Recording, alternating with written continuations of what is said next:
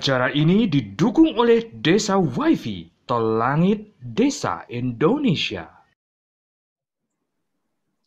Selamat pagi, salam bahagia kerabat desa Indonesia. Kembali pagi ini kita dalam program Kepoin Desa. Kita kepo-kepo tentang desa dalam sebuah semangat memuliakan desa-desa di Indonesia. Uh, luar biasa pagi ini kita kedatangan tamu dari redaksi sudah menyiapkan satu tokoh kawan kawan-kawan lama di pergerakan masalah lingkungan dan seterusnya. Kita ingin ngobrolin tentang bagaimana potensi alam pesisir untuk meningkatkan ekonomi desa. Sudah hadir di sini Mas Agus, apa kabar? Sugeng Enjang. Sugeng Enjang, Pak Koco. Alhamdulillah, ah. baik. Sehat-sehat, Mas? Alhamdulillah, sehat. Dari dari penampilannya udah cerah pagi ini. di rumah? Lagi ya, di mana ini? Lagi di mana ini? Di rumah di Gresik. Oke, dengar-dengar juga udah mau siap-siap perjalanan ke luar negeri atau mau boyongan ke luar negeri. Ya, Sukses ya Mas Agus ya. Oke, Mas Agus, pagi ini kita pengen ngobrol tentang potensi alam pesisir itu sebenarnya seperti apa? Artinya uh, bagaimana kita melihat uh, garis pantai kita itu adalah satu karunia yang luar biasa gitu kan potensi biota laut dan seterusnya juga uh, saya juga mencermati bahwa sekarang ini kan kalau bicara desa ada desa gunung ada desa laut dan seterusnya nah aku pengen Mas Agus bisa memberikan pencerahan nih ke kerabat desa semua yang mengikuti acara ini. Jadi sebenarnya bagaimana sih nggak potensi apa pesisir kemudian problematikanya apa konklusinya seperti apa mungkin dari apa perjalanan Mas Agus uh, selama ini itu bisa dibagikan sebagai satu apa ya asupan gizi keilmuan lah.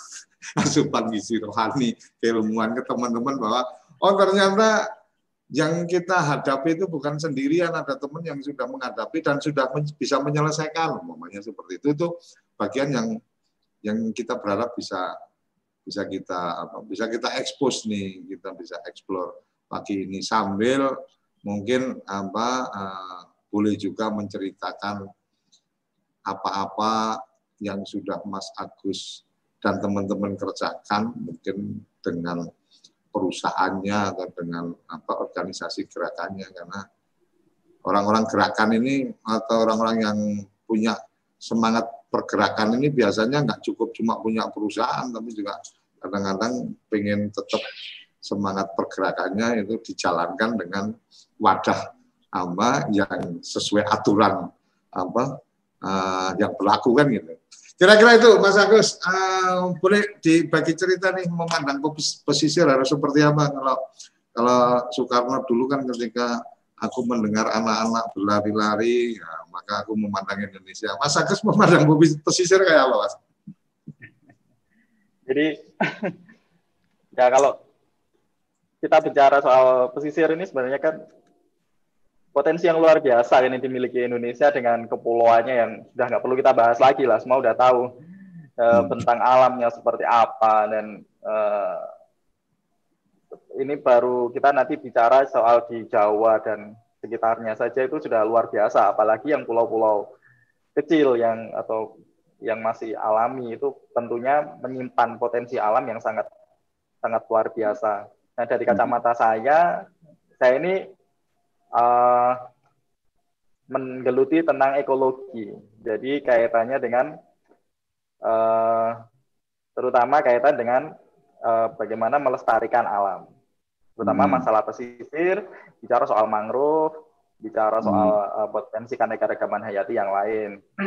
Dan banyak sekali kan sekarang ini ter kondisi pesisir ini kan menjadi karena terlalu karena seksinya tadi baik oleh masyarakat setempat maupun uh, pihak pengusaha ataupun program pemerintah itu menjadi hmm. wilayah yang sangat seksi untuk diperebutkan dalam untuk hmm. dimanfaatkan.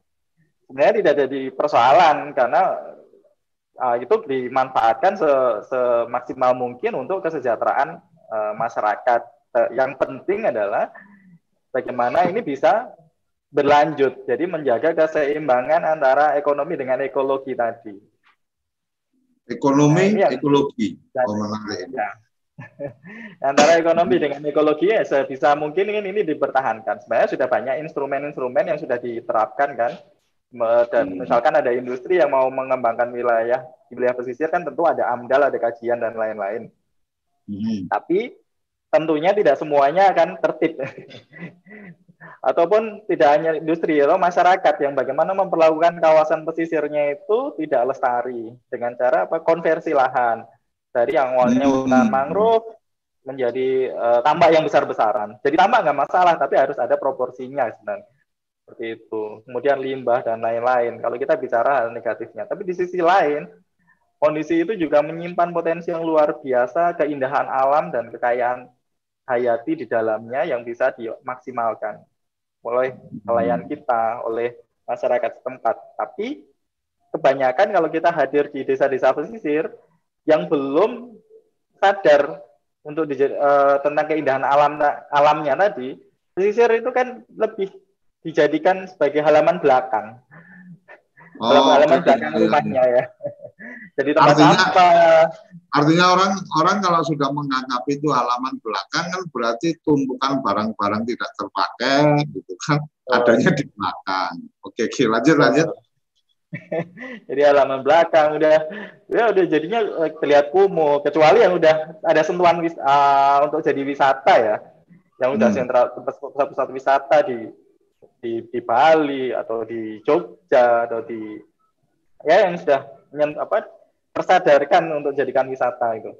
Nah, sebenarnya banyak wilayah-wilayah pesisir kita tuh luas sekali dan yang harusnya harusnya itu bisa dioptimalkan untuk membagi kue. Kue misalkan saya di Jawa Timur nih.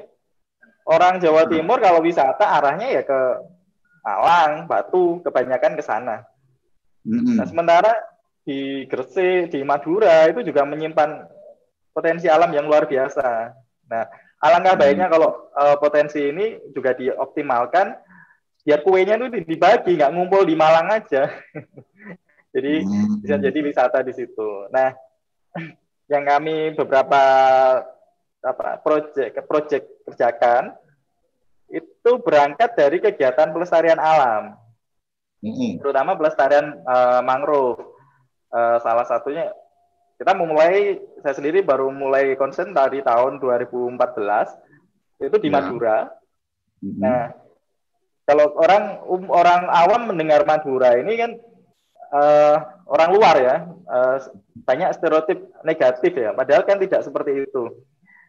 Nah ini yang yang kita coba uh, bersama masyarakat desa, kita mulai dari di desa Labuhan itu, Pak. Jadi awalnya tambahnya, iya di Bangkalan. Labuan berarti kan? Ini daerah berarti Labuan ini suka kata pelabuhan? Apa labuh labuh itu pengorbanan kan bahasa Jawa. Tempat selap apa? Mampir ya kali. Gitu. oke oke. Lanjut lanjut lanjut ya dari situ kan ada isu li, apa lingkungan. Awalnya hutan mangrove dibabat itu awal tahun 8 uh, eh, akhir tahun 80-an dibabat jadi tambak udang Oke. Okay. Dan windu kan saya tutup. Cara saya di mana-mana waktu itu uh, lagi masif-masifnya ya. Saya hmm. belum tahu masih masih kecil sekali. Dan dari situ mulai awal uh, 90-an tambahnya udah gagal dan ditinggalkan yang hmm. tambak-tambak tadi itu ditinggalkan. Nah, mangrove hmm. yang sudah menjadi sabu hijau tadi yang melindungi dari abrasi sudah terlanjur dirusak. Sudah terlanjur dirusak. Terumbu karangnya juga kalau mangrove-nya habis akhirnya airnya keruh, terumbu karangnya juga mati. Hmm. Nah ini terjadi abrasi yang luar biasa dan meninggal di tambak-tambak tadi meninggalkan hamparan lumpur yang cukup hamparan tambak kosong lah yang gersang. Nah, ini sama hmm. masyarakat kita mulai uh, salah satu program jasa perusahaan, kita mulai merehabilitasi mangrove-nya. Hmm. Tapi kalau kita bicara soal menjaga, meng, apa, memulihkan kualitas lingkungan, buat kita aktivis lingkungan itu oke okay lah, make sense. Tapi buat warga, kan mereka berpikirnya, apalagi masyarakat pesisir ini yang kebiasaannya kan melaut, dapat ikan, jadi uang kan. Jadi hmm. prosesnya uh, cepat. Nah, kalau kita bicara soal lingkungan, nanti kita kita mengedukasi masyarakat, ini akan memberikan manfaat ekonomi buat kalian. Ini manfaatnya besar, ya sepertinya kurang masuk. Jadi karena paling... karena manfaatnya masih jangka panjang ya mas ya. Betul. Ibarat Sementara, ibarat kata kalau kalau petani itu petani kebun sama petani apa sayur itu kan cara berpikirnya beda. Petani sayur ya kali. gimana caranya apa uh, waktu pendek udah bisa panen. Kalau petani kebun kan harus sabar nanti tiga tahun lagi baru panen raya gitu. Betul. Nah, lanjut, lanjut, cara berpikirnya udah beda kan. Kalau kita sama ah. mungkin ya beberapa kegiatan kan menghadirkan ideologi kita ya. atau idealisme lah, idealisme kita aktivis lingkungan misalkan untuk masyarakat. Ah. Sebenarnya itu sebenarnya nggak nyambung kan dengan yang dibutuhkan sama masyarakat. Nah, akhirnya dari situ kita combine dengan uh, silvoviseri, dengan budidaya kepiting soka, dengan budidaya uh, pepaya di wilayah pesisir tadi, kemudian dikemas menjadi kawasan uh, wisata. Jadi wisata hmm. uh, mangrove di Labuan itu dan alhamdulillah menjadi tempat yang rujukan, jadi unggulan di Pangkalan saat itu. Nah itu hmm. salah satu uh, uh, success story lah yang pernah kita lakukan. Kemudian di tempat lain juga dan kita baru mulai tahun 2019 kemarin Mm-hmm. Kita survei ke lapangan, Pak, pantainya itu luar biasa di di Bangkalan juga. Oh, gitu. Tapi masih jadi halaman belakang sama halaman belakang warga. Oh. jadi tempat buang popok dan lain-lain gitu. Nah, kita mulai mendekati ke pemerintah desanya, kita kita yakinkan ke pemerintah desa dan sekarang udah menjadi dari 2019 awal dan sekarang ini udah ramai sekali dikunjungi warga. Walaupun kondisi pandemi gini ya, karena pantainya sangat luas, mereka masih bisa menjaga jarak antara pengunjung satu dengan pengunjung yang lainnya. Hmm. Itu. Kemudian di program yang lain, ini juga banyak kegiatan dari pemerintah, ke, dari perusahaan, kaitan dengan rehabilitasi mangrove juga. Nah, kelompok-kelompok binaan ini yang kita juga edukasi untuk memproduksi bibit sendiri. Jadi segala program yang kita jalankan itu menggunakan potensi yang ada di, di desa tersebut. Mulai dari sumber daya manusianya sampai bahan bakunya yang kita gunakan untuk kegiatan itu benar-benar mengoptimalkan yang ada di desa tadi. Dan yang paling utama sebenarnya kita mengejar apa di desa tadi itu bisa mandiri. mandiri maksudnya mandiri dalam artian mereka bisa mengoptimalkan potensi yang dimiliki dan bisa mengelola dan bisa mengembangkan. Jadi tidak tergantung dari program, misalkan program CSR atau program dari pemerintah atau mungkin dari dana desa. Kapan pun dana bantuan tadi dicabut, mereka itu sudah bisa uh, survive, minimal survive lah. Kalau berkembang nanti uh, ekspektasinya terlalu tinggi ya, minimal survive untuk menjalankan itu saya rasa sudah bagus buat uh, buat masyarakat dengan latar belakang apa terutama latar belakang pendidikan yang uh, relatif kurang juga sih Pak kebanyakan di di lokasi-lokasi yang kami kembangkan itu. Hmm. Mas kalau kemudian apa salah satu tantangan sih sebenarnya menurut saya adalah ketika bicara apa uh, bicara tentang masyarakat. Itu adalah bagaimana mengedukit memberikan edukasi ke masyarakat. Ini solusinya apa nih mas? Ketika sampean memberikan oh pemahaman. Taruh kata seperti yang tadi saya bilang nih oh kalau orang-orang ini uh, secara idealismenya kan antara pedagang sama petani beda gitu kan. Secara ya. prinsipnya pedagang hari ini belanja berapa sebisa mungkin untung berapa itu kan hampir sama dengan pelaut yang kemudian harus melakukan alam kan gitu Artinya dia harus menang melawan alam, kalau petani kan harus bersahabat dengan alam dan seterusnya. frame-frame yang kayak gitu ditemui nggak di lapangan? Dan kemudian ya. gimana nih konklusinya? Pasti. Jadi yang pertama kita ya ngikutin mengikuti pola pikir dari masyarakat apa masyarakat bina apa target kita dulu pak. Jadi nggak bisa kita terus uh, tiba-tiba menggunakan cara berpikir kita. Karena saya juga meyakini bahwa setiap uh, masyarakat apa komunitas itu punya ilmu yang luar biasa. Yang sebenarnya kita mereka hanya membutuhkan ibaratnya hanya membutuhkan dirijen aja untuk bisa bergerak. Jadi bukan kita yang memberikan memberikan ilmunya, tapi kita memetakan potensi yang ada yang mereka miliki, kemudian kita optimalkan. Jadi ngikuti pola pikir mereka dulu sambil di, diarahkan itu ya seluas-luasnya kita lah dengan masyarakat. Jadi benar-benar kita ber, uh, bisa diterima dulu. Kalau perlu memang tinggal di sana untuk seberapa apa sekian lama sebentar seperti itu. Oh, oke oke oke. Artinya artinya anu ya, posisi posisi sampean dan teman-teman mungkin lebih pada uh, ngomong ya. Lebih pada ya. mengalah dulu untuk kemudian memahami baru kemudian mengarahkan atau memberikan masukan ke mereka seperti apa dan seterusnya. Mungkin gitu ya.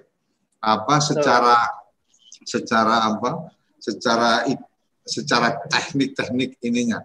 Mas uh, yang kemudian balik tadi kalau orang sudah sangat paham nih urusan potensi pesisir dan seterusnya orang pasti sangat paham kemudian uh, amanah kepahaman orang termasuk kepahaman dari masyarakat yang tinggal di situ itu kemudian cukup untuk kemudian dia memang paham untuk apa menjaga bahwa ini tempat tinggal mereka, ini potensi mereka dan seterusnya. Karena salah satu yang menarik yang sempat atau sering kita temui adalah bahwa problem utamanya itu adalah bagaimana orang itu menemukan potensi kan gitu. Artinya kalau saya secara pribadi lebih pada menemukan potensi pribadi itu kan sebenarnya passionku itu di bagian apa, kemudian kalau kerja berarti kerja di pekerjaan apa dan seterusnya kan gitu. Nah kalau ya. menemukan potensi lingkungan dan seterusnya itu kan bisa jadi mereka ada juga yang tidak cukup punya kemampuan untuk kemudian uh, menemukan potensi kan gitu. Sama seperti kalau dulu zaman saya pertama-pertama ikut semacam pelatihan atau apa itu kan selalu dicontohkan ketika oh ada sampah nih di apa di depan rumah gitu kan. Ada orang-orang yang lewat itu ya dia tidak lihat bahwa itu ada sampah karena dia tidak menganggap itu sampah. Kemudian ada orang yang kemudian lewat, dia tahu itu sampah, tapi dia tidak melakukan apa pun kan gitu. Oh ya, sampah kan gitu. Kemudian ada orang ketiga yang kemudian lewat, dia tahu itu sampah, dia ingin membersihkan, tapi dia lihat nggak ada tempat sampah juga gitu kan. Nah kemudian dia berpikir untuk tidak melanjutkan apa menyelesaikan sampah. Kemudian orang orang yang terakhir ini adalah melihat itu sampah sebagai masalah, dia mencoba menyelesaikan dan bisa selesai bahwa kemudian nggak ada tempat sampah di situ ya dia bawa untuk dicarikan tempat sampah kan gitu. Nah kondisi yang kayak gini, leveling-leveling yang kayak gini, ini kan perlu ada proses untuk peningkatan. Artinya, oh tadinya yang nggak care jadi care, tadinya yang cuma care tapi kemudian uh, do something, tadinya yang do something tapi tidak apa menyelesaikan, akhirnya sampai di level apa melakukan sesuatu dan mampu menyelesaikan. Pengalaman mendampingi dan seterusnya boleh dibagikan, karena teman-teman apa kerabat desa ini kan juga beberapa yang mengikuti acara-acara kita ini kan teman-teman pendamping juga, kemudian teman-teman penggiat di desa-desa. Jadi bisa jadi ada inspirasi-inspirasi menarik. Ya, kalau tadi mungkin contoh ilustrasi soal sampah tadi, saya di hmm. setiap ini melihatnya coba memposisikan sebagai sampah itu sebagai peluang gitu. Hmm. Jadi kalau ada masalah itu jadi peluang. Itu yang yang kami uh, selalu apa ya posisikan kacamatanya ke arah sana. Dari mana kondisi-kondisi permasalahan-permasalahan ini menjadi sebuah peluang yang bisa menjadi uh, menarik untuk dijual. Bisa jadi untuk programnya uh, desa tadi atau untuk branding dari uh, program apa yang dikembangkan oleh desa tadi. Ya, tentunya leveling tadi betul sekali. Jadi awalnya ya memang kita menyadar tahuan dulu. Mereka tahu, mereka selama dari dari lahir sampai dewasa sampai tua itu sebenarnya tinggalnya di pesisir. Ada potensi yang luar biasa, tapi mereka nggak pernah bisa jadi nggak pernah melihat ada yang ada orang-orang yang seperti itu. Mereka hanya melihatnya potensi-potensi yang ada di luar gitu. Jadi melihat rumahnya sendiri itu kurang jeli, ada yang seperti itu. Uh, nah kita sebagai pendamping harus uh, bisa hadir di situ sesuai dengan apa ya latar belakang kita masing-masing kan kita uh, tajamnya mata kita kan berdasarkan pengalaman kita juga ini dari misalkan untuk pendamping itu sudut pandang kalau saya dari sudut pandang ekologi saya melihatnya potensi alamnya oh kekayaan karena keragaman jenisnya burungnya ini ada berapa macam nih ada berapa yang dilindungi nih ini kalau pada musim-musim migrasi, ini contoh di ujung pangkah itu di bulan-bulan ini sudah mulai datang burung migrasi dari Alaska yang akan bermigrasi ke bumi, bagian bumi selatan. Ini jumlahnya luar biasa banyak sekali. Ini bisa jadi atraksi, atraksi yang bisa dipertontonkan eh, secara apa ya, yang tetap harus ramah dengan lingkungan macam itu. Nah ini masyarakat untuk menyadar tahuan selama ini yang kami terapkan tidak kita ceritakan, tapi mereka tunjukkan langsung. Kita bawa aja. Mereka mereka pengen bukti langsung gitu ya, kemudian oh. mendapatkan manfaat ya. Baru kemudian mau melakukan gitu ya. Itu berarti ya. karakteristiknya masih sama dari zaman aku kuliah dulu. Uh, dosen ilmu studi pembangunan itu menyampaikan bahwa ke masyarakat pedesaan itu beda dengan masyarakat perkotaan. Kalau masyarakat pedesaan itu kamu harus menunjukkan bahwa ketika ngajak mereka tanam wortel yang kecil jadi wortel yang gede itu mereka nggak akan percaya kalau belum melihat jadi bedanya eh, teman-teman yang visioner itu dia mempercayai dulu baru akan bisa melihat karena kemudian harus berproses melakukan penelitian dan seterusnya tapi kalau teman-teman di desa ini uh, karakter dulu ya nggak tahu hari ini ya. itu lebih berpikir bahwa ya dia melihat dulu baru percaya. Saya lihat, oh ya benar ini bisa gede, baru saya mau ikut tanam gitu kan. Itu pun kemudian juga tantangan berikutnya manfaat ekonomisnya ke seperti apa kan gitu. Nah, ya. ini ini ini ini menarik ini menurut saya sesuatu yang apa yang menarik bahwa secara karakteristik masih seperti itu berarti telling story atau menceritakan kejadian-kejadian kan kalau, kalau dulu kan memang suka nggak suka harus uh, apa ya kalau kata kalau ngomong pertanian nih, aku kan aku kan urusannya desa gunung nih kalau sama kan desa pesisir. Kalau pertanian itu kan aku bikin demplot terus mengundang mereka pada saat panen, pada saat nanam aku mengundang mereka dan seterusnya kan gitu. Nah, zaman dulu mungkin dengan digital yang masih belum seperti sekarang hebatnya gitu kan. Berarti kan oh di desa ini habis itu bikin lagi di desa tetangga, bikin lagi di kabupaten lain dan seterusnya. Hari ini mungkin cukup di satu titik dengan kemudian didokumentasikan dengan bagus atau bisa di live kan orang bisa lihat pertumbuhannya CCTV dipasang di situ selama berapa lama sehingga orang bisa melihat dan seterusnya akan jadi lebih simpel. Artinya ada proses percepatan untuk kemudian apa eh, edukasi. Di pesisir di pengalaman Mas Agus menjalankan ini ada cerita-cerita yang menarik dari hal-hal yang seperti itu mungkin? Uh, mungkin yang terbaru nih ya, yang terbaru yang uh, hmm. Pantai Telangoh namanya, Pak.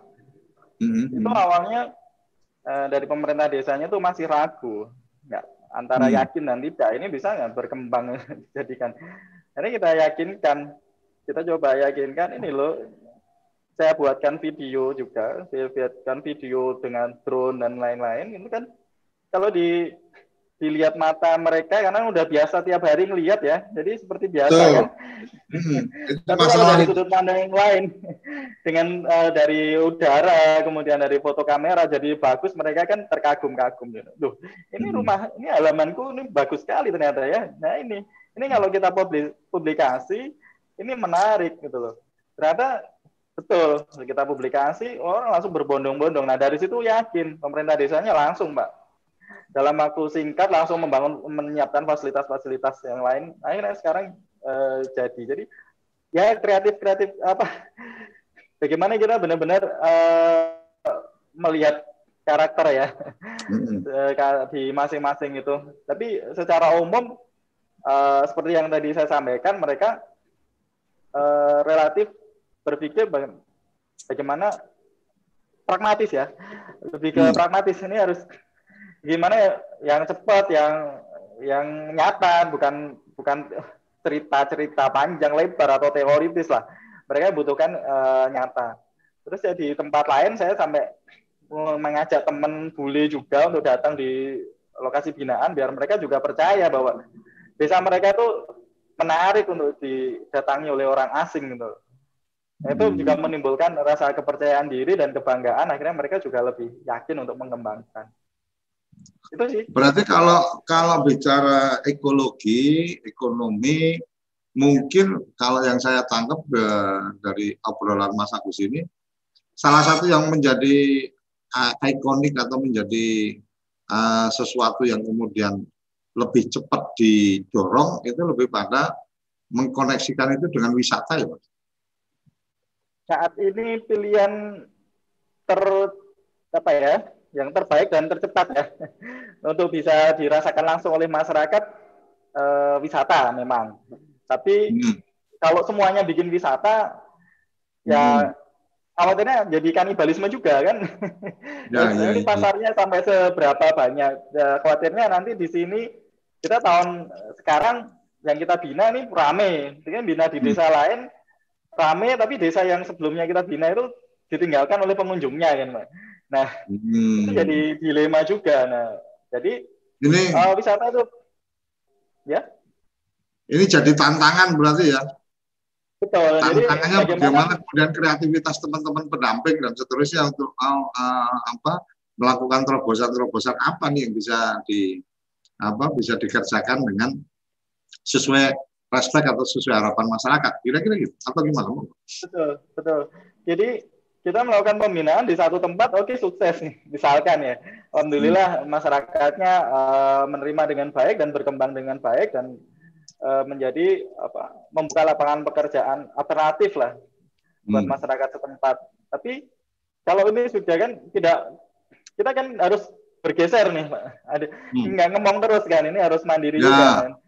Ya, artinya artinya jadi jadi baby sister kan ada waktunya lah. Habis itu kan udah nggak baby lagi, harusnya udah bisa mandiri gitu. Ya. Nah, di saat hmm. kita ngomong yang satu lagi, ini hmm. berkembang yang kita ngomong nih. Nah, hmm. yang kita takutkan sebenarnya yang lama ini jadi mati gitu loh. Jadi sepi dan sebagainya.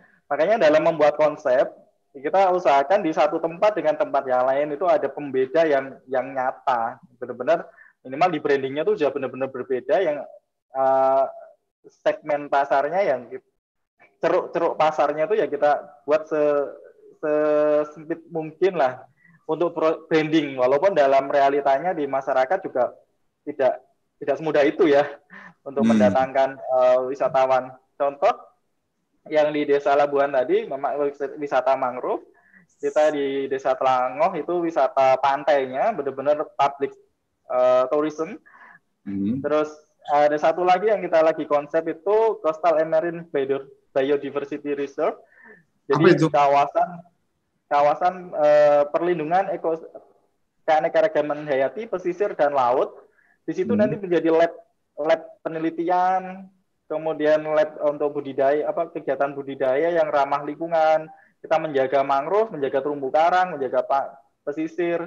Dan nanti ekonomi alternatifnya itu dengan misalnya budidaya tiram dan lain ini masih proses masih prosesnya masih lumayan panjang yang ini.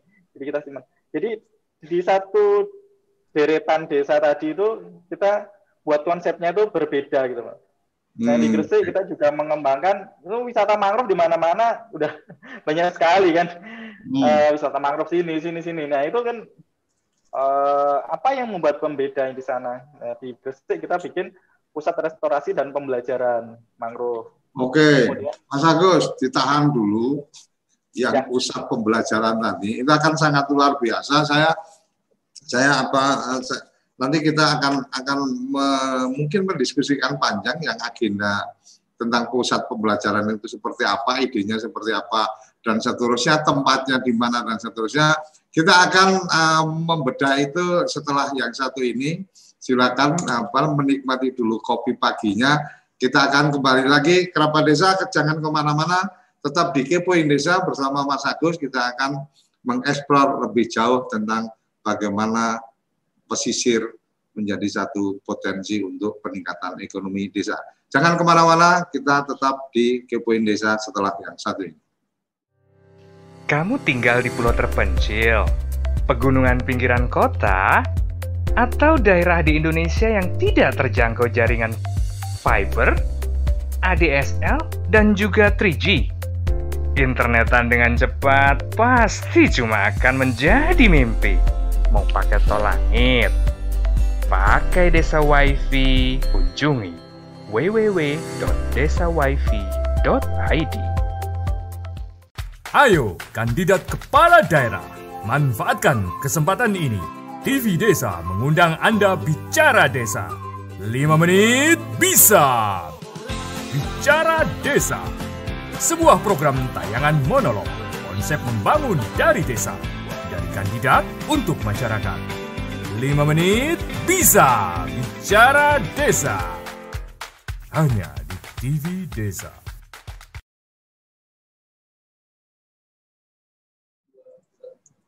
Oke, kembali lagi di Kepoin Desa. Kita kepo-kepo tentang desa dan kita beberapa episode minggu ini ngomongin pesisir ini kayaknya apa uh, tim redaksi mempersiapkan untuk kemudian saya belajar tentang pesisir. Karena saya orang gunung mas.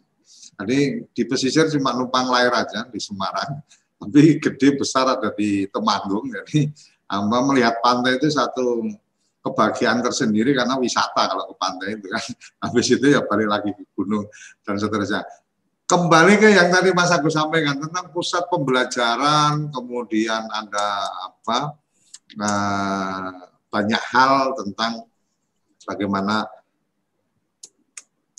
pesisiran, bagaimana apa uh, ekologi dan seterusnya di wilayah pesisir dengan mengembangkan pusat apa uh, apa kawasan untuk pendidikan dan seterusnya.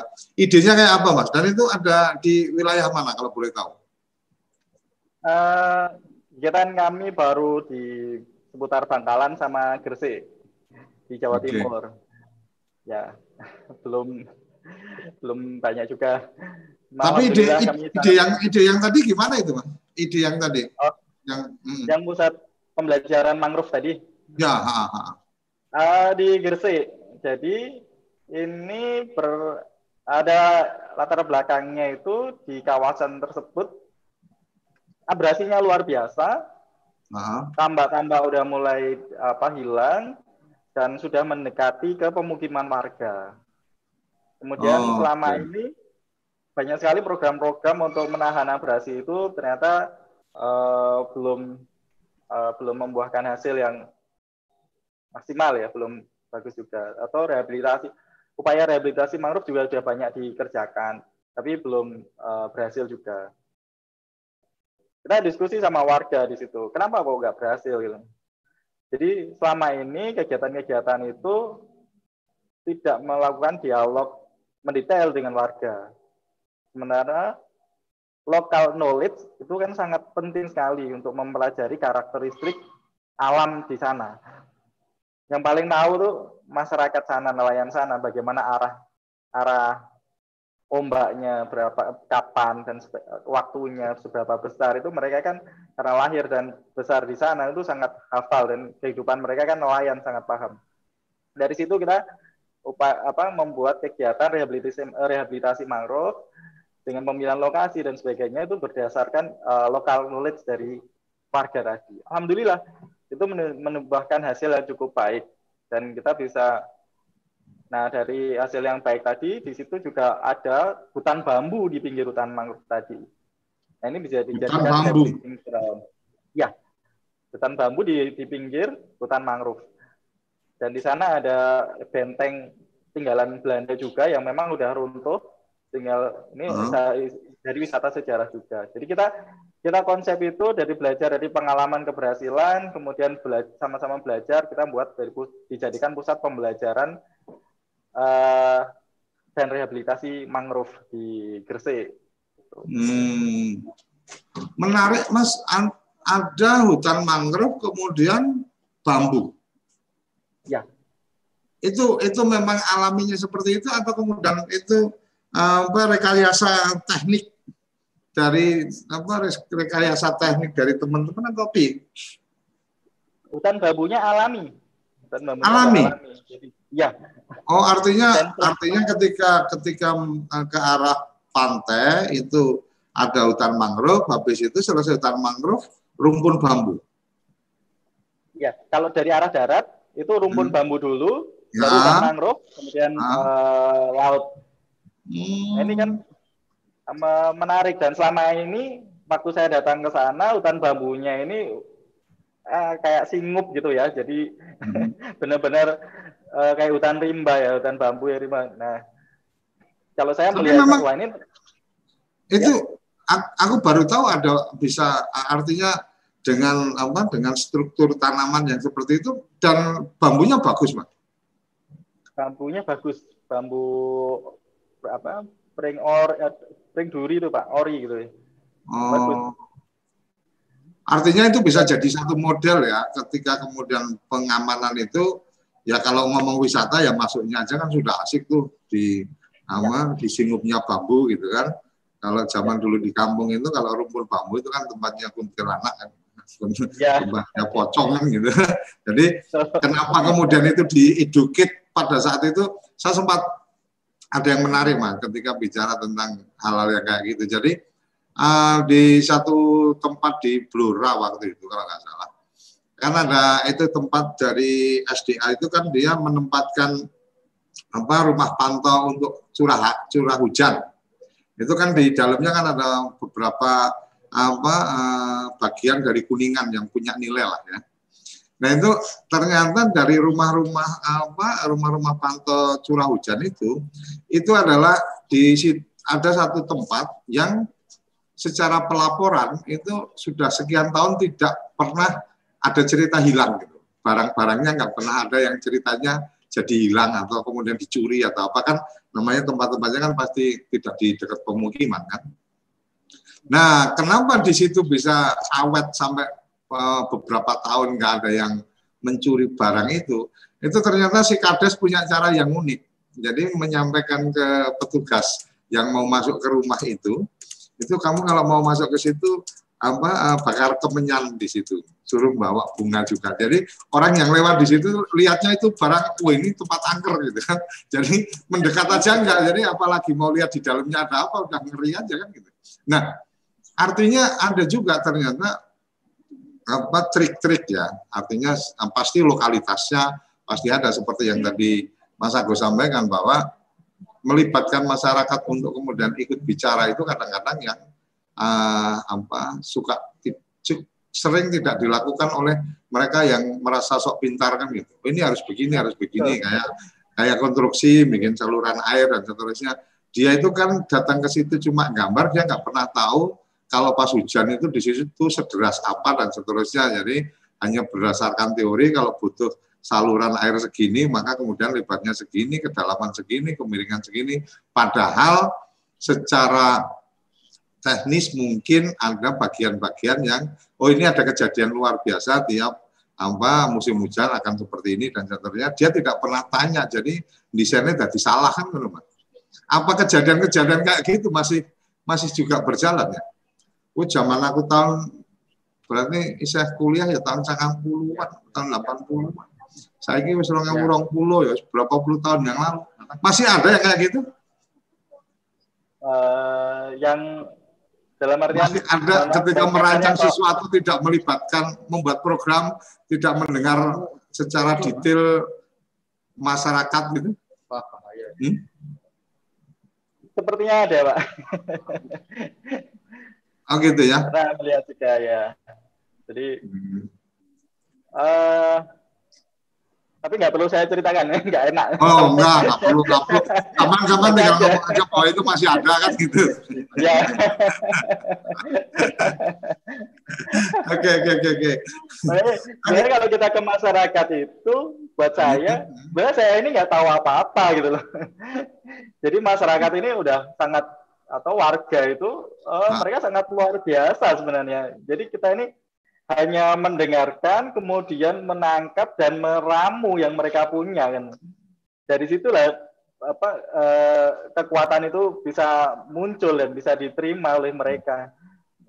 Cara saya itu kalau saya tiba-tiba datang dengan merasa pintar dan ini ya siapa kamu itu? Oke mas, jadi uh, apa saya uh, sudah apa uh, saya, saya melihatnya sih ini ini menjadi bagian apa bagian penting ya bagian menarik untuk kemudian uh, kita mendengar apa teman-teman itu perlu ketika membuat satu agenda atau satu program memang harus mendengarkan mendengarkan suara masyarakat benar-benar gitu ya. Betul. Dan kebanyakan juga mungkin ini ini soal teknis ya pak tapi ya. soal teknis dan sederhana tapi saya rasa penting sekali Hmm. Proses mendengar itu kebanyakan kan lewat forum formal ya, hmm. uh, apa dengar pendapat atau apa, dan ternyata susah sekali menangkap apa yang sebenarnya terjadi di masyarakat kalau lewat forum seperti itu. Hmm. Karena kebanyakan masyarakat, kebanyakan itu uh, mereka tidak bisa berbicara, tidak bisa berbicara di di forum terbuka seperti itu. Oh, artinya artinya ruang-ruang untuk berbicara pada saat kemudian itu forumnya formal itu menjadi tempat yang tidak nyaman untuk masyarakat menyampaikan. Dia lebih bisa Apa menyampaikan ya? ketika ya. informal gitu ya. Betul. Hmm, okay. Terkadang malah guyonan-guyonan atau selentingan itu yang sebenarnya men, apa fakta yang sebenarnya terjadi. Hmm. Nah, Berarti ya, memang anu ya, uh, mungkin kalau aku bahasanya bahasa keren yang pernah aku dengar, uh, mungkin lebih ke kayak apa ya, live in ya, harus hidup di tengah mereka untuk kemudian bisa mendengarkan eh, apa-apa uh, yang ada di mereka, mungkin gitu ya mas ya? Betul sekali. Hmm, luar ya. biasa, luar biasa. Hmm. Ah, mas, ke kembali ke apa pemberdayaan dan seterusnya walaupun tadi Mas Agus menyampaikan lebih suka berbicara dalam agenda keperluan kemandirian kan gitu. Ya. Artinya tidak tergantung dengan program pemerintah, tidak tergantung dengan apa program CSR mungkin dan seterusnya. Tapi saya yakin CSR menjadi bagian yang penting lah untuk kemudian ini kan ada kalau ngomong Gresik mungkin industri, ada juga di beberapa tempat itu pasti urusannya kan urusan karena apa uh, pembangunan kawasan atau apa uh, satu apa pengembangan bisnis di situ gitu kan. Nah, yang kemudian uh, aku pengen dengar cerita ini Mas. Posisi uh, CSR kalau di Indonesia sebenarnya atau hari ini ini sebenarnya kayak apa nih? Hmm, kalau di Indonesia saya nggak nggak bisa bicara luas ya Pak. Dari yang okay. saya alami saja. Oke. Okay. Yang okay. jadi mungkin mungkin gini lebih pada bagaimana Mas uh, Mas Agus uh, bisa memberikan warna uh, memberikan pencerahan tentang bagaimana teman-teman bisa apa uh, ber mengembangkan poten apa mengembangkan mengembangkan uh, apa kegiatan ekologi dan ekonomi ini karena memang ada bagian ada ada bagian apa ada bagian lain juga yang uh, karena efek dari bisnis industri dan seterusnya kemudian kita mencoba masuk ke wilayah yang tadi wilayah yang si apa perusahaan perlu punya tanggung jawab untuk untuk itu. Kira-kira apa Mas? Yang bisa bisa di-share. Mas Agus bisa berbagi. Oke. Kalau sebenarnya CSR ini bisa menjadi kekuatan apa modal yang luar biasa buat uh, mengoptimalkan potensi di desa-desa gitu, Pak. Atau hmm. kalau baik di ring satu maupun di desa-desa ya. sekitarnya gitu. Ya, kembali. Itu, uh, karena kekuatan finansialnya, eh, misalkan perusahaan migas itu kan ya karena CSR-nya uh, saya rasa juga sangat sangat bisa powerful untuk pemberdayaan masyarakat dan ini juga hmm. sudah terbukti di di tadi yang kegiatan-kegiatan saya ceritakan tadi memang itu kegiatan dari beberapa BUMN yang bergerak di bidang uh, migas dan uh, industri kimia. Itu uh, jadi komitmen dari perusahaan tadi yang memang apa ya komitmen dari perusahaan yang membuat dana CSR tadi bagaimana bisa empowering ya, mem ya. memberdayakan uh, masyarakat tadi membuat desain-desain yang sedemikian rupa di mana mereka tidak nantinya tidak hanya bergantung dari dana yang dikucurkan.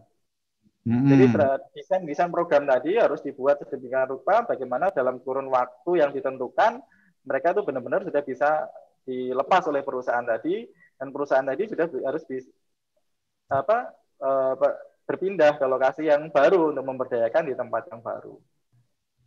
Ini nah, Kak, uh, sekarang kan per, pertanyaannya kan bagian dari komitmen itu apakah memang akan otomatis apa uh, akan otomatis lahir dari uh, kesadaran uh, perusahaan atau perlu di di diopera-opera atau perlu dikritik Alhamdulillah ada salah satu instrumen kan yang sudah diterapkan sama pemerintah kan Pak terkait dengan program proper ya dari Kementerian Lingkungan Hidup dan eh, Kehutanan. Hmm. Itu bagaimana di situ ada salah satu variabel tentang CSR dan hmm. banyak sekali eh, cara penilaian-penilaian dan arahan-arahan bagaimana membuat desain eh, program CSR yang yang yang sesuai kaidah dari proper tersebut. Nah, proper itu kan memberikan instrumen bagaimana desain program uh, eh, CSR perusahaan tadi bisa tepat sasaran dan memberikan manfaat sebesar-besarnya buat buat masyarakat gitu. Ah. Itu kalau dari segi pemerintah ya. Dari ah. segi pemerintah ada uh, dan kalau dari segi perusahaan dari perusahaan-perusahaan yang selama ini menjadi rekanan kami, mereka menunjukkan komitmen yang saya rasa uh, saya rasa luar biasa ya saya rasa luar biasa untuk bagaimana mereka berharap untuk mas, programnya itu benar-benar memberikan manfaat ke, ke masyarakat. Hmm. Tapi kalau yang perusahaan-perusahaan lain ada yang memang yang saya tahu ya Pak itu lebih ke bagaimana sebatas mengamankan operasi dari uh, operasional dari perusahaan tadi. Ada juga ber, uh, seperti itu belum ke arah bagaimana memberdayakan atau seba, uh, charity dan sebagainya.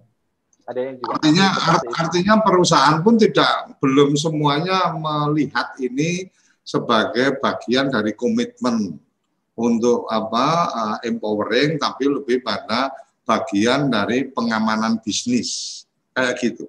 Ya, ya sebenarnya hmm. pengamanan bisnis ya memang itu diperlukan sama perusahaan tapi alangkah baiknya dalam proses pengamanannya tadi dengan cara yang yang lebih apa ya lebih smooth ya untuk memberdayakan masyarakat tadi biar tidak mengganggu kan gitu pak. Tapi saya juga menemukan ada satu posisi di mana teman-teman di CSR atau di perusahaan itu kadang-kadang juga oh ini secara aturannya kan nggak gini kemudian masyarakatnya sendiri juga masih belum apa ada satu kesadaran bahwa oh on prosesnya harus kayak gini dan seterusnya itu memang uh, itu memang tantangan tersendiri atau gimana mas? Jadi mama, oh kalau masuk ke kita kan kita juga butuh berhubungannya dengan institusi yang jelas, apakah yayasan atau lembaga. Kemudian kita juga butuh tahu bahwa proposal ini rencana panjangnya seperti apa, bukan sekedar kayak proposal-proposal yang untuk keperluan 17 Agustus atau apa dan seterusnya. Nah yang kayak gini, educate ke masyarakat atau partisipasi atau keterlibatan pemerintah untuk mengedukasi ke masyarakat ya?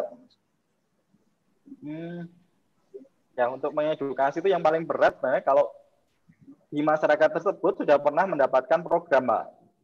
Mendapatkan program dan programnya itu yang bukan ke pemberdayaan, tapi lebih ke charity saja. Oh. Nah, kita misalkan di wilayah perkotaan semacam itu, uh. di orang di ring satu perusahaan, tapi di, uh. di perkotaan itu juga agak tantangannya cukup berat karena mereka tidak hanya satu perusahaan yang ada di situ kan ada beberapa perusahaan yang membuat program di desa itu dan mereka seperti kayak apa ya membanding-bandingkan kemudian dan ternyata yang repotnya kalau memang antar beberapa perusahaan itu tidak ada kolaborasi maksudnya ada kesepahaman lah kalau di sini kita harus pemberdayaan nih jangan hanya uh, charity gitu ini kalau hmm. satu charity satu pemberdaya satu pemberdayaan ini uh, menjadi masalah di masyarakat juga. Kemudian memang sangat penting peran dari pemerintah. Ada di beberapa desa itu yang menjadi desa binaan dari beberapa perusahaan. Padahal di desa-desa lain itu sebenarnya sangat membutuhkan. Artinya artinya perlu ada kejelasan, artinya perlu ada ruang untuk mengkonsolidasikan atau mengkoordinasikan teman-teman yang kemudian ada ada apa ada supporting di keperluan apa uh, pemberdayaan masyarakat dan perusahaan-perusahaan sebagai CSR itu dalam satu forum-forum koordinasi. Tapi kayaknya secara uh, secara institusional ada juga kan forum apa uh, forum koordinasi dari apa CSR itu? Yang saya tahu ada Pak, tapi uh, di dalamnya seperti apa saya kurang kurang paham uh, kurang paham juga. Gitu. Artinya artinya memang ada ya apa uh, uh, forumnya ya untuk kemudian ya. oke okay, karena saya saya sempat melihat juga ada kayak Pemda kemudian menginisiasi satu forum perusahaan-perusahaan yang ada uh, alokasi CSR itu supaya terintegrasi supaya rapi jangan kemudian oh satu desa ke gelontor CSR program banyak banget sementara yang lain enggak gitu kan itu kan balik lagi kayaknya urusannya di di database ya. Artinya apakah pemerintah sudah cukup sejauh ini nih? Mas Agus kan juga berhubungan dengan pihak pemerintah. Apakah pemerintah sudah cukup untuk kemudian memberi, mempunyai data yang bisa mengintegrasikan oh ini perusahaan sudah melakukan ini kemudian dia melaporkan ke pemerintah kemudian pemerintah jadi ada mapping nih. Oh wilayah ini sudah disupport oleh CSR ini dan seterusnya sudah ada yang kayak kayak gitu sejauh yang Mas Agus tahu karena kayaknya Mas Agus nggak terlalu nggak terlalu dekat juga nih sama program-program pemerintah karena pengen mandiri.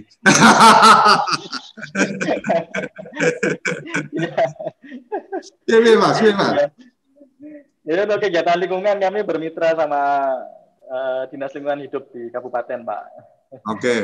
ya, tapi bermitra dalam hal uh, berdialog banyak berdialog uh, terkait itu. Uh, hmm. Kalau bagaimana perusahaan-perusahaan uh, soal database, saya, mereka ada kayak ada arah ke sana kalau tidak salah. Kalau yang hmm. sejauh yang saya tahu, tapi sejauh mana ini progresnya saya tapi dari beberapa perusahaan mereka sudah mengikuti arahan dari uh, dinas uh, dinas yang terkait gitu Pak. Misalkan ada uh, perusahaan di Gresik itu yang diarahkan di kepulauan di pulau di Pulau Bawean itu itu uh, yang saya tahu kayaknya sesuai dengan arahan dari uh, stakeholder Bisa. pemerintah yang terkait kalau nggak salah. Artinya itu. artinya mengikuti dengan apa yang pemerintah sedang kerjakan, CSR kalau memang bisa support, nah kemudian dari situ ya. teman-teman ya apa CSR bisa apa memahami bahwa dia juga belum apa terintegrasi program dengan apa yang dijalankan oleh pemerintah. Kira-kira kayak gitu ya Mas ya? Ya. Mas Agus, tanpa terasa waktu kita sudah di penghujung. Ya. Uh, TV Desa seperti yang tadi sebelum acara saya sampaikan, acara kita ini juga punya apa uh, dalam audionya itu kita ada di apa kita naikkan di podcast juga teman-teman bisa mendengarkan kemudian siaran ini live di satelit kita ada di merah putih dan tel, apa uh, Nusantara satu kita juga bisa di uh, lihat live kita di uh, aplikasi uh, Android dan di iOS itu di GenClick dan juga Google.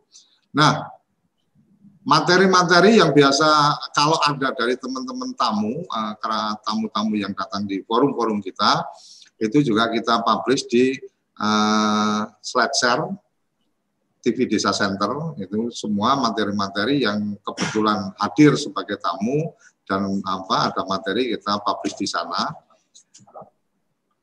Saat ini karena waktunya juga sudah men, di penghujung, Mas Agus silahkan closing statement termasuk juga kalau memang ada yang ingin disampaikan harapannya sebagai personal maupun institusional atau mungkin ada pandangan-pandangan apa tentang obrolan kita pagi ini. Silakan Mas Agus. Ya. Jadi Indonesia ini bukan hanya kota-kota besar aja seperti Jakarta atau Surabaya, Bandung dan Jogja dan atau Semarang dan apa di yang di luar Jawa ya kota-kota besar saja. Tapi sebenarnya kekuatan uh, kita itu ada di desa. Nah, kalau desanya ini produktif, ini negara ini akan berkembang menjadi semakin yang semakin cepat, semakin besar, semakin kuat. Sebagai salah satu contohnya di desa uh, Lembung Pasesar sendiri yang saat ini budidaya udang secara intensif tanpa merusak mangrove-nya, jadi menjaga keseimbangan uh, lingkungan dengan budidaya yang mereka kembangkan, itu mereka bisa menghasilkan Eh, nilai rupiah yang sangat luar biasa di desa tersebut. Dan hasil produksinya ini bukan hanya untuk produk apa konsumsi nasional tapi juga ekspor dan itu didatangkan dari diproduksi di desa. Contohnya satu peta bisa menghasilkan sampai sekitar 900 sampai 1 M itu di desa satu peta dan di hmm. di mana uang itu didatangkan dari luar negeri masuk ke desa senilai sedemikian rupa dan itu nanti akan dibelanjakan di desa, dibelanjakan di di sekitar uh, desa tersebut. Alangkah hebatnya kalau Indonesia ini membangun dimulai dari uh, desa. Membangun ini bukan membangun infrastruktur, tapi membangun manusianya hmm. untuk bisa lebih produ, lebih inovatif, produktif, dan negara ini menjamin bagaimana mereka bisa mengakses pasar yang yang kompetitif, di mana mereka tidak hanya menjadi komoditas, menghasilkan komoditas yang berharga murah seperti pangan dan seperti Eh, apa padi dan lain-lain yang selama ini mereka sangat terbatas sekali untuk bisa berkembang. Tapi juga bagaimana negara bisa menjamin eh, produksi-produksi yang dihasilkan oleh desa tadi mendapatkan nilai yang bagus untuk dilirik terutama oleh pemuda biar tidak melihat kiblatnya hanya di kota saja. Tapi mereka bisa tinggal di desa dan menghasil bisa memberikan manfaat yang luar biasa buat masyarakat. Oke, okay, luar biasa, Mas Agus. Uh, terima kasih menyempatkan waktunya. Selamat apa uh, melakukan perjalanan apa ke luar negerinya, sukses di sana, bisa menambah jaringan dan apa uh, hubungan-hubungan yang kemudian pada akhirnya juga memberikan kemanfaatan untuk apa kampung halaman. Kira-kira itu yang saya bisa sampaikan. Kerabat desa, uh, apabila ada yang ingin disampaikan, atau tamu-tamu siapa yang ingin diundang, Anda kerabat desa bisa mengirim WA official kita 083 kali 01317160 sampaikan di sana program acara Kepoin Desa ini pengelolaan redaksionalnya dikelola oleh teman-teman dari kantor berita desa atau KPD News. Jadi ada uh, nomor kontak uh, eh, KPD News yang nanti akan di-share melalui chat WA, uh, melalui chat di YouTube dan seterusnya untuk kemudian bisa berkoordinasi untuk ide-ide uh, apa yang uh, perlu kita diskusikan, tamu-tamu siapa yang kerabat desa pengen kita hadirkan di Kepoin Desa. Kepoin Desa hadir tiap jam 8 sampai jam 9 hari Senin sampai Jumat. Sampai di sini edisi kali ini Terima kasih yang sudah mengikuti. Terima kasih Mas Agus. Salam buat keluarga. Salam sehat selalu. Salam bahagia kerabat desa Indonesia. Terima kasih.